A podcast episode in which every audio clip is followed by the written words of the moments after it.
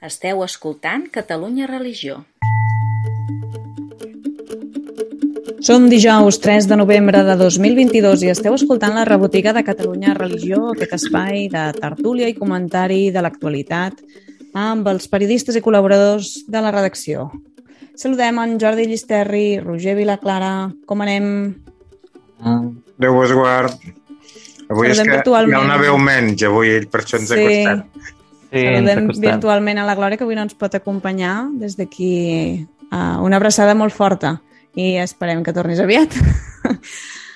uh, temes que tenim sobre la taula aquesta setmana. Uh, L'Anna Robert ha entrevistat uh, l'abat de Poblet, Octavi Vilà. Ho ha fet amb motiu de la celebració del capítol general de l'Orde Cistercenc, un capítol que té la seva peculiaritat. Ara comentem una mica, no sé què és el que us ha sorprès més de la conversa. També ha coincidit en una setmana en què ha sortit molt als mitjans de comunicació perquè dilluns van entrar a Poblet a robar.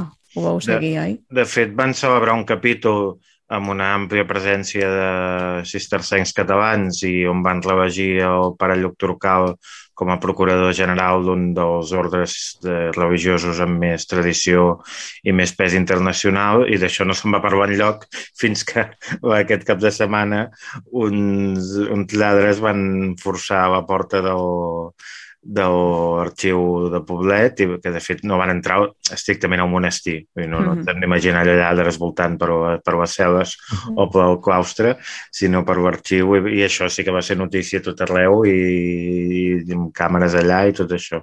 Bueno, Sempre estem igual, amb la cosa No. positiva. ho dic perquè eh, quan vam parlar amb l'Anna per fer aquesta entrevista, la idea de l'entrevista era muntar el capítol. L'únic que, com que ho, ho, ho hem fet aquesta setmana, doncs evidentment hi ha una referència al tema del robatori, però tam, Mm. tam, és, i és lògic que generi aquest rebombori que tothom en parli. Però, però la notícia estava a un altre lloc per nosaltres, no, no, no en el robatori. Exactament. I entenc que per l'abat també, també, també era així.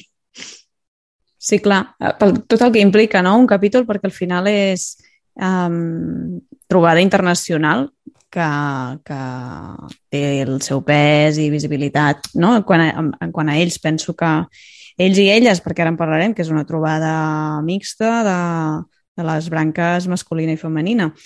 Uh, però bueno, sempre m'agrada aquesta part dels capítols, no? que té És aquest que, punt a veure, institucions... de... Digues, digues. institucions que faci desenes o centenars d'anys que periòdicament, normalment en períodes de 5, 6, 10 anys, com a molt, es reuneixen representants de tot el seu territori i decideixen què faran els propers 5 o 10 o 3 o 6 o 10 anys, mm, home, és una manera de funcionar bastant moderna.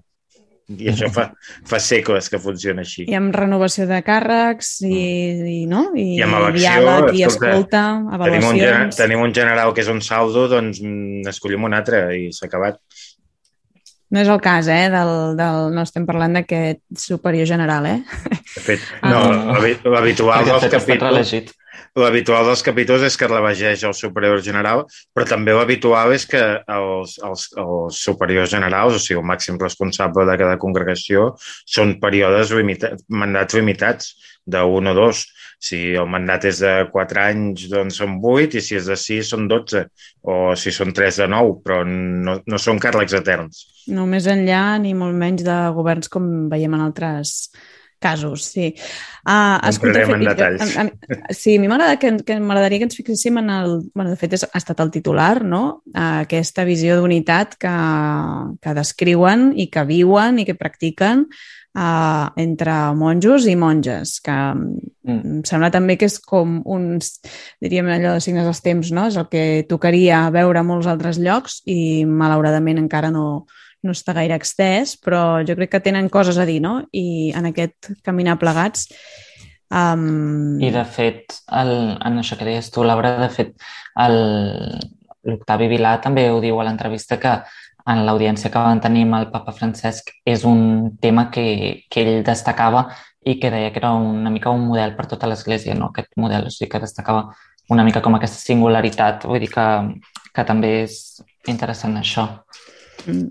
Ara, ara feia memòria i sí que és veritat eh, que és una cosa que, que els que els preocupa o que els fa singulars també alhora, perquè sempre que hem tingut ocasió i hem coincidit o, o, o amb, amb l'abat de Poblet o ara amb la nova abadessa de Valldonzella o no, amb altres um, que, que és un tema que surt, és recurrent, per ells és important que sigui així i que es mantingui d'aquesta manera, no? I, I és un signe d'allò que parlen sempre de la fraternitat, no? I en la fraternitat tots som iguals i malgrat les diferències, no? Però en un... I, i a vegades, malgrat també fins i tot normatives internes o alguns reglaments que han pogut sortir del Vaticà i que, i que han causat una mena de, bueno, en el seu moment, bastanta crítica perquè significava que, que les branques masculines o si no era la branca masculina era un bisbe no, de la diòcesi havia d'anar a, a passar revista de, de l'activitat en els monestirs, bueno, que, que això es busquin eines per equilibrar-ho i fer-ho també a la inversa, no? de dir, bueno, d'acord, tenim això, però anem a, anem a mirar de, de subsanar aquestes diferències i buscar de caminar plegats perquè entenem que, que venim d'aquí, no? I, mm. I ens devem això. És que per, per, per tradició eclesial i per tradició social, aquestes congregacions que tenen la branca femenina i masculina, sempre hi ha la, una situació on s'acostuma a subordinar una branca a l'altra i acostuma a ser la masculina, la, la, la masculina, la, la femenina subordinada a la masculina, no? I això encara queda molt, molt camí per recórrer. I en, I en aquest cas, eh, com veies, Laura, l'extraordinari o singularitat que també destaca l'abat amb l'entrevista és que quan hi ha aquest, aquest uh, capítol general, doncs es fa conjuntament. No hi ha el capítol mm. general dels cistercencs i el de les cistercenques i després es troben i, i es posen una mica d'acord, uh, sinó que fan un, un procés de discerniment conjunt. Mm -hmm.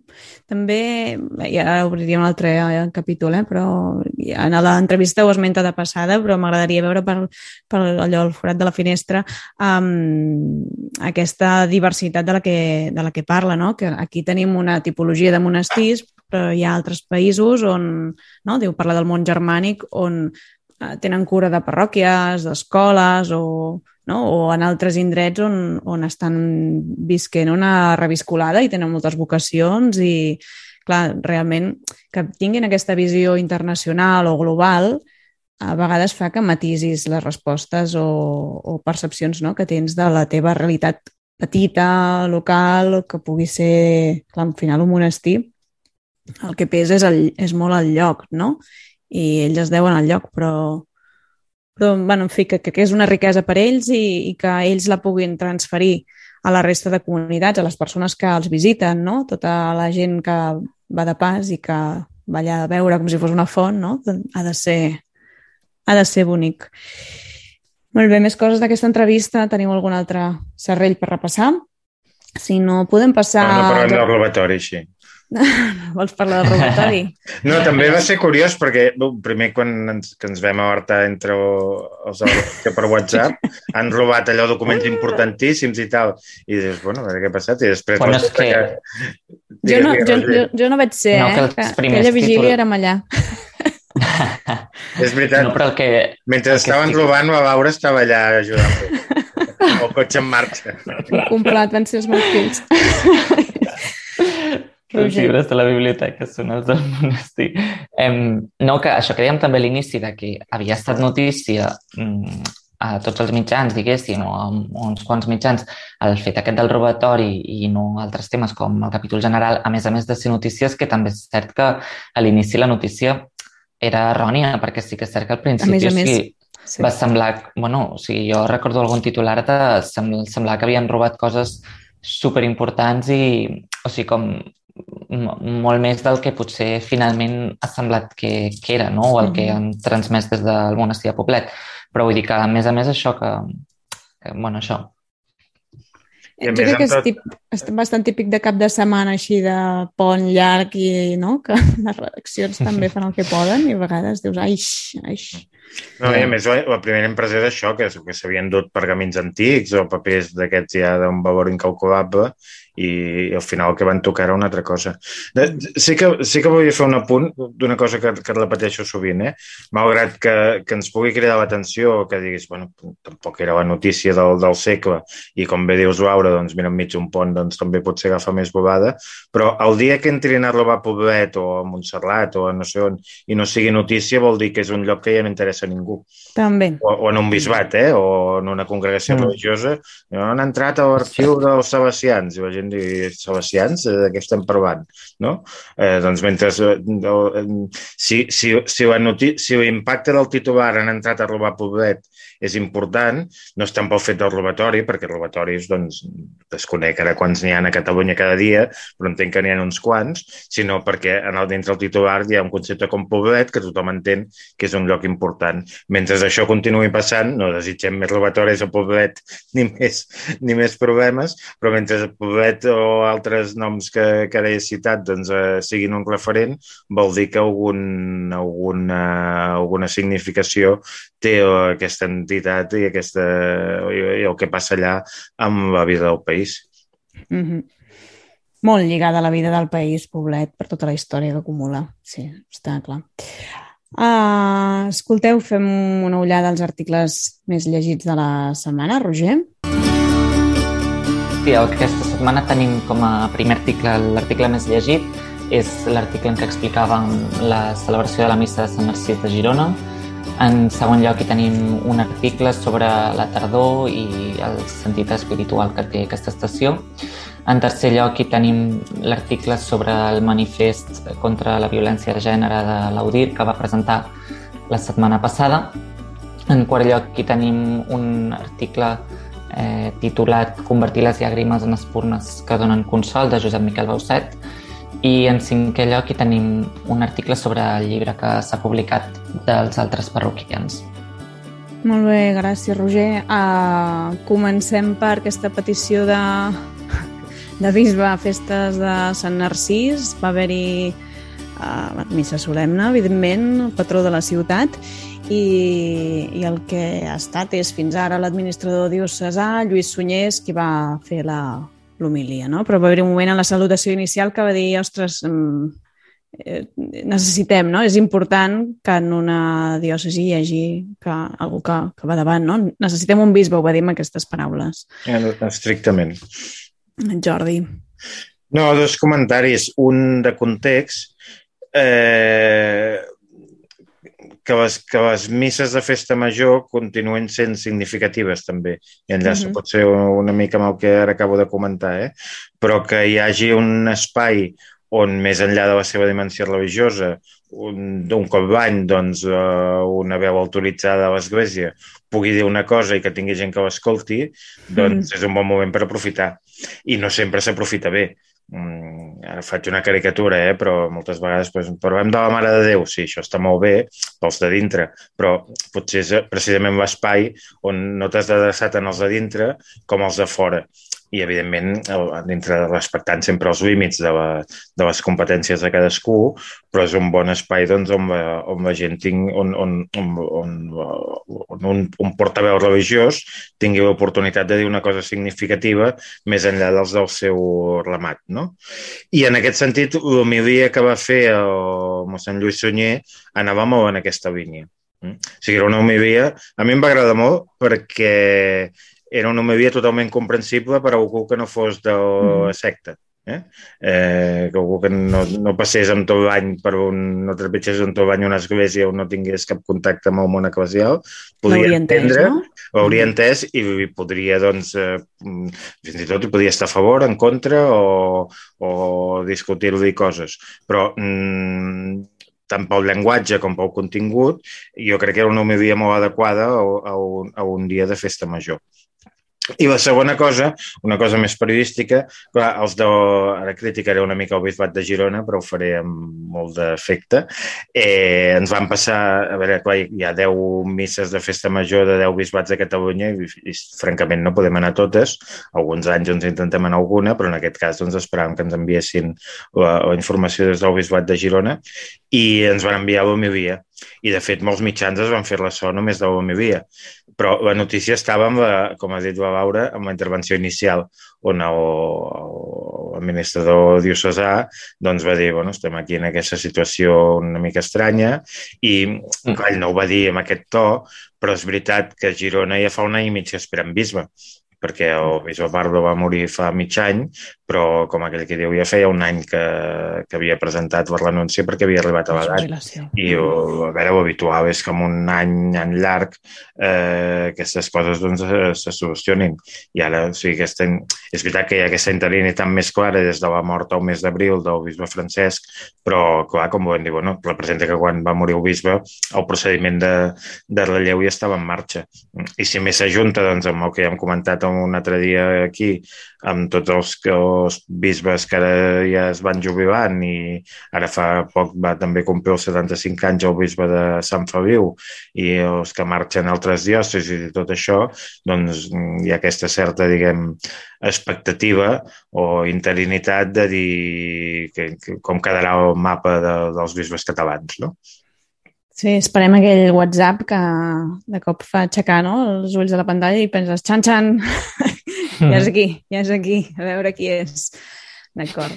Mm. Uh, doncs um, seguirem esperant a veure si això es desencalla aviat. Um, M'has fet pensar en això que deies d'on era la notícia, perquè sí, és un clàssic, que els bisbats envien les homilies escrites que ja tenen pactades, però sovint on hi ha el suc o la, la intervenció més interessant és quan aixequen el cap del paper ah, i improvisen i dius, ai, mira, aquí... No, perquè al final també se suposa que quan tu fas un matí sobre un text preparat és perquè allò és important per tu, no? I, i bueno, en fi, que, que allò que no està previst acostuma a ser el més interessant. Mira, això els havia passat molt amb el, al principi els de comunicació del Vaticà amb el papa Francesc. Amb el papa. Que sí. quan el, les intervencions habituals, tant de l'àngelos del diumenge com de l'audiència del dimecres, doncs el, el papa habitual és que duia un paper escrit eh, i abans de que, es, de que el pronunciés doncs ja teníem la nota feta i enviaven el, just quan l'acabava de pronunciar o quan començava l'acte i enviaven el resum als periodistes i els hi va començar a passar que, clar, el, que havia dit més interessant al papa en aquella audiència o en, aquella, en aquell llavors del diumenge no estava en el text escrit perquè era, havia passat el que deies tu, que s'havia havia aixecat els ulls i havia començat a comentar.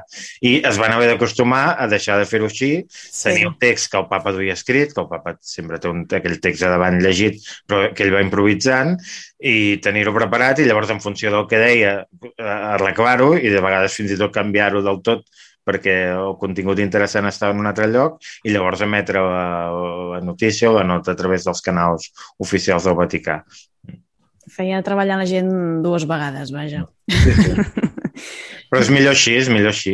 I, i bé, també, també com a periodistes, doncs també Home, sí, si et desplaces... Sí, clar. clar, si et desplaces a cobrir un acte i mm, has de sentir el mateix que et poden enviar, doncs ja no fa falta que hi vagis, tu. És no? quan vas a una conferència i hi ha un senyor que durant tres quarts d'hora llegeix un paper i dius, escolta, m'ho envia per correu electrònic i ja, ja m'ho llegiré a casa. Sí, això no sé per què encara no s'ha corregit, eh? ja no diria, no, no parlaria de prohibir-ho, però, però sí animar que es No, no, jo, jo ho, prohibir, ho prohibiria per llei i amb, i amb, i amb, i amb penes penal, de causa pecat, penal. Pecat capital. Sí. Um, va, escolteu, fem un salt. Una altra de les notícies més llegides, en aquest cas un article d'opinió, el del Miquel Bauset, uh, Josep Miquel Bauset, monjo benedictí, que, que ha escrit sobre sobre la mort de la filla de la Pilarín Vallès, que, que ha provocat bueno, aquesta imatge no, que ha circulat, em sembla que era per Facebook, mm, d'ella dibuixant no? I, il·lust... I, a Instagram. També, sí. Bueno, tot un... Bueno, per tot arreu. No? Bueno, perquè vas, ha mogut per tot arreu. Sí, no? Ella fent aquest gest doncs, de, de posar color no? I, i aquests estels en el, en el taüt de la seva filla. Um, bueno, sempre és un personatge que l'hem comentat moltes vegades, no? aquesta capacitat de transformar les situacions i de posar-hi color i llum no? i de donar esperança i, en aquest cas, consol, no? un mateix exercici que hauria estar vivint ella enmig de, com diu, com diu l'autor, no? el Bauset, enmig de tant de, de dolor com ens podem imaginar que, que provoca una situació així. Um, us ha cridat l'atenció, Jordi, tu també volies fer algun comentari de... No, no, més que comentari de destacar-ho, vull dir, va ser, mm. quan, quan ho vam veure va ser una foto molt impactant i molt tendra. És un, una, una mm. foto amb una, amb una humanitat extraordinària, és, és, in, és inconcebible el, el, la situació d'acomiadar un fill o una filla i, i la reacció de la Pivarín és que és, bueno, és, el, és el personatge. O sigui, no, no, jo crec que en, en aquest cas no, tant, no és tant el que puguem afegir o dir, perquè és que un cop has vist aquella fotografia no, no, en aquest cas la imatge, ja hi pots posar paraules, que la, la, la imatge parla per si sola, però crec que és important això, doncs, doncs destacar-la perquè qui, qui, qui no s'hagi aturat en aquella foto, que s'hi torni aturar perquè realment és, és, és, un, és un, una foto amb, amb, amb un relat vital a darrere impressionant. Mm -hmm. Uh, teniu aquí la, la reflexió, la podeu recuperar, també la, la fotografia al, al nostre web, en aquest blog de Josep Miquel Bauset. Mm, sí, jo no, tampoc no hi afegiria res més. Uh, hem, hem parlat altres vegades d'aquesta capacitat d'ella, eh? de, de, de com transformar les situacions o de com viure-les intensament, perquè durant, no fa l'efecte que ella la vida la, la viu molt conscient i, i això és un, és un do segur i és un regal doncs, poder-ho veure en d'altres no? I, i que sigui font d'aprenentatge. Des d'aquí una abraçada molt forta a Pilarín Vallès i a tota la seva família. I si us sembla, acabem, acabem amb els més llegits. Dèiem que també hi ha aquesta notícia del llibre que parla dels altres parroquians. Sí, Roger, ens en fa cinc cèntims. Sí, és un llibre que, que es publica ara, no? I és un llibre de Francisco Javier Rodríguez. Parla una mica de, de la immigració a les parròquies, no? d'aquest eh, fenomen, diguéssim, una mica d'immigració a les parròquies i com s'ha viscut això. També una mica jo el que veia interessant és com aquesta relació de, bueno, que relaciona una mica és, mm, la, la varietat de cultures i com això va afectar i continua afectant a, a les comunitats no? i com doncs, sorgeixen noves tradicions o es combinen tradicions i una mica és un, un recull d'això. No? Hi ha diverses entrevistes i, i, i això, no sé vosaltres eh, què, què us sembla o si també que, que com ho heu vist, no? però una mica seria això. Fa, fa el símil amb els altres catalans del Candel, no? Pensava que anaves a dir vosaltres que ja hi éreu. Dic, home, no, no, no, no m'he atrevit a dir-ho. No, però ja... No, però deia que o sigui, això em va eh, semblar curiós, no? que deia el, el, aquest article l'ha fet el Víctor i li preguntava d'on havia sorgit una mica la idea de, de fer aquest llibre i, i l'autor deia els pares són nascuts fora de Catalunya i a l'habitació hi havia la típica imatge del Crist Nazaré i al seu costat la moreneta en perfecta harmonia.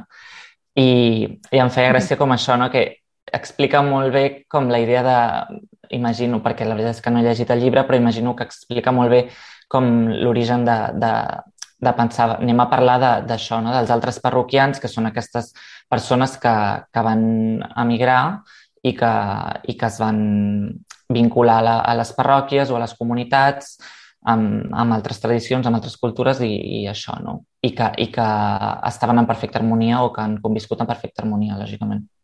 Mm-hmm. A mi el que em sembla important és sobretot que recollir testimonis que aviat no els podem recollir. És, és, sí. o sigui, és sí, un sí, fenomen sí. no només religiosament, sinó socialment importantíssim i, i de fet, corregiu-me si m'equivoco, crec que una de les coses que diu és que hi ha molt de material que tampoc està encara treballat, mm. I, però, però sí aquell material ara, ara, ara era el moment de, de, de, de pràcticament les, les últimes oportunitats per mantenir-lo i perquè més endavant, doncs, quan es continuï estudiant això, doncs hi hagi alguna font d'on veure, perquè d'aquí poc ja no hi serà.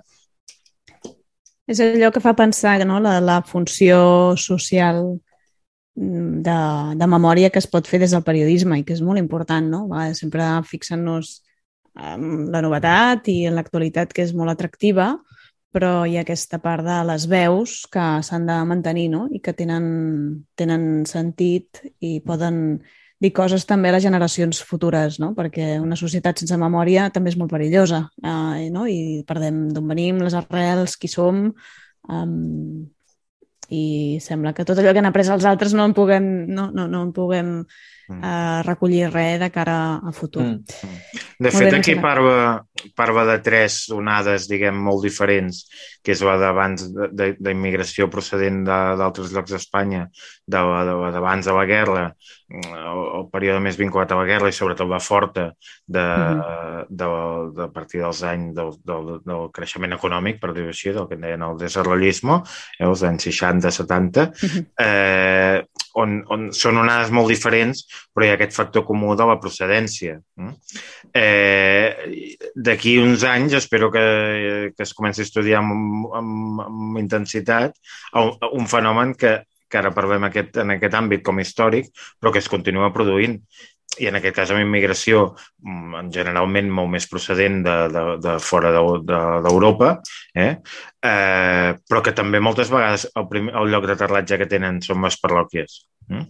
I a més, en aquest cas, en la situació actual, on ja no només l'aterratge són les parròquies catòliques, sinó que també hi ha tot el que són les comunitats protestants o que són també gent que prové del món, del món musulmà, etc etc.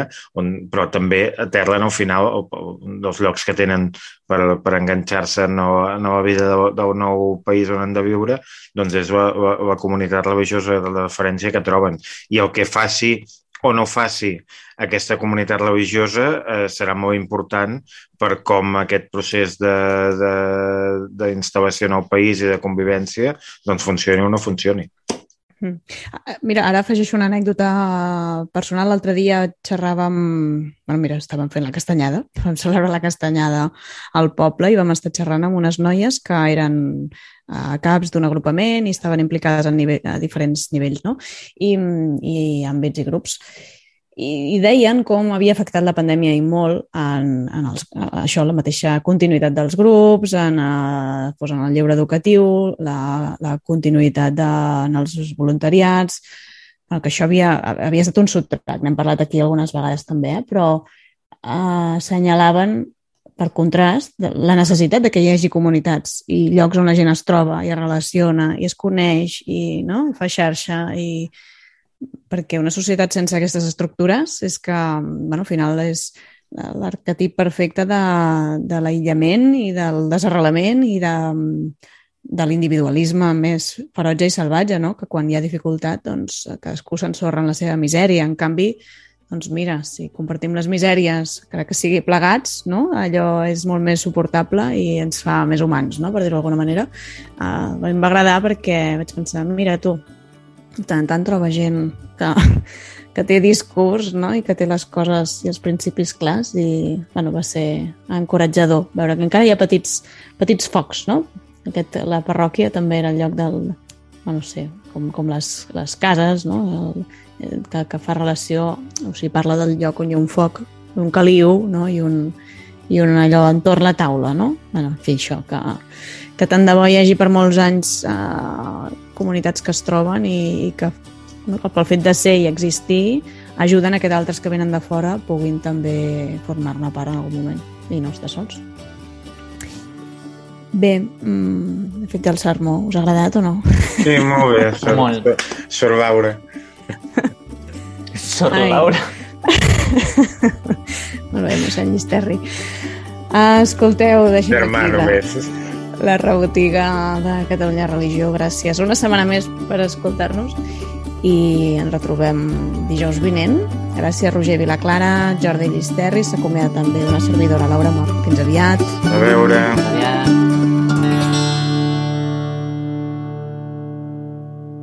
Catalunya Religió. Sor Laura. Sor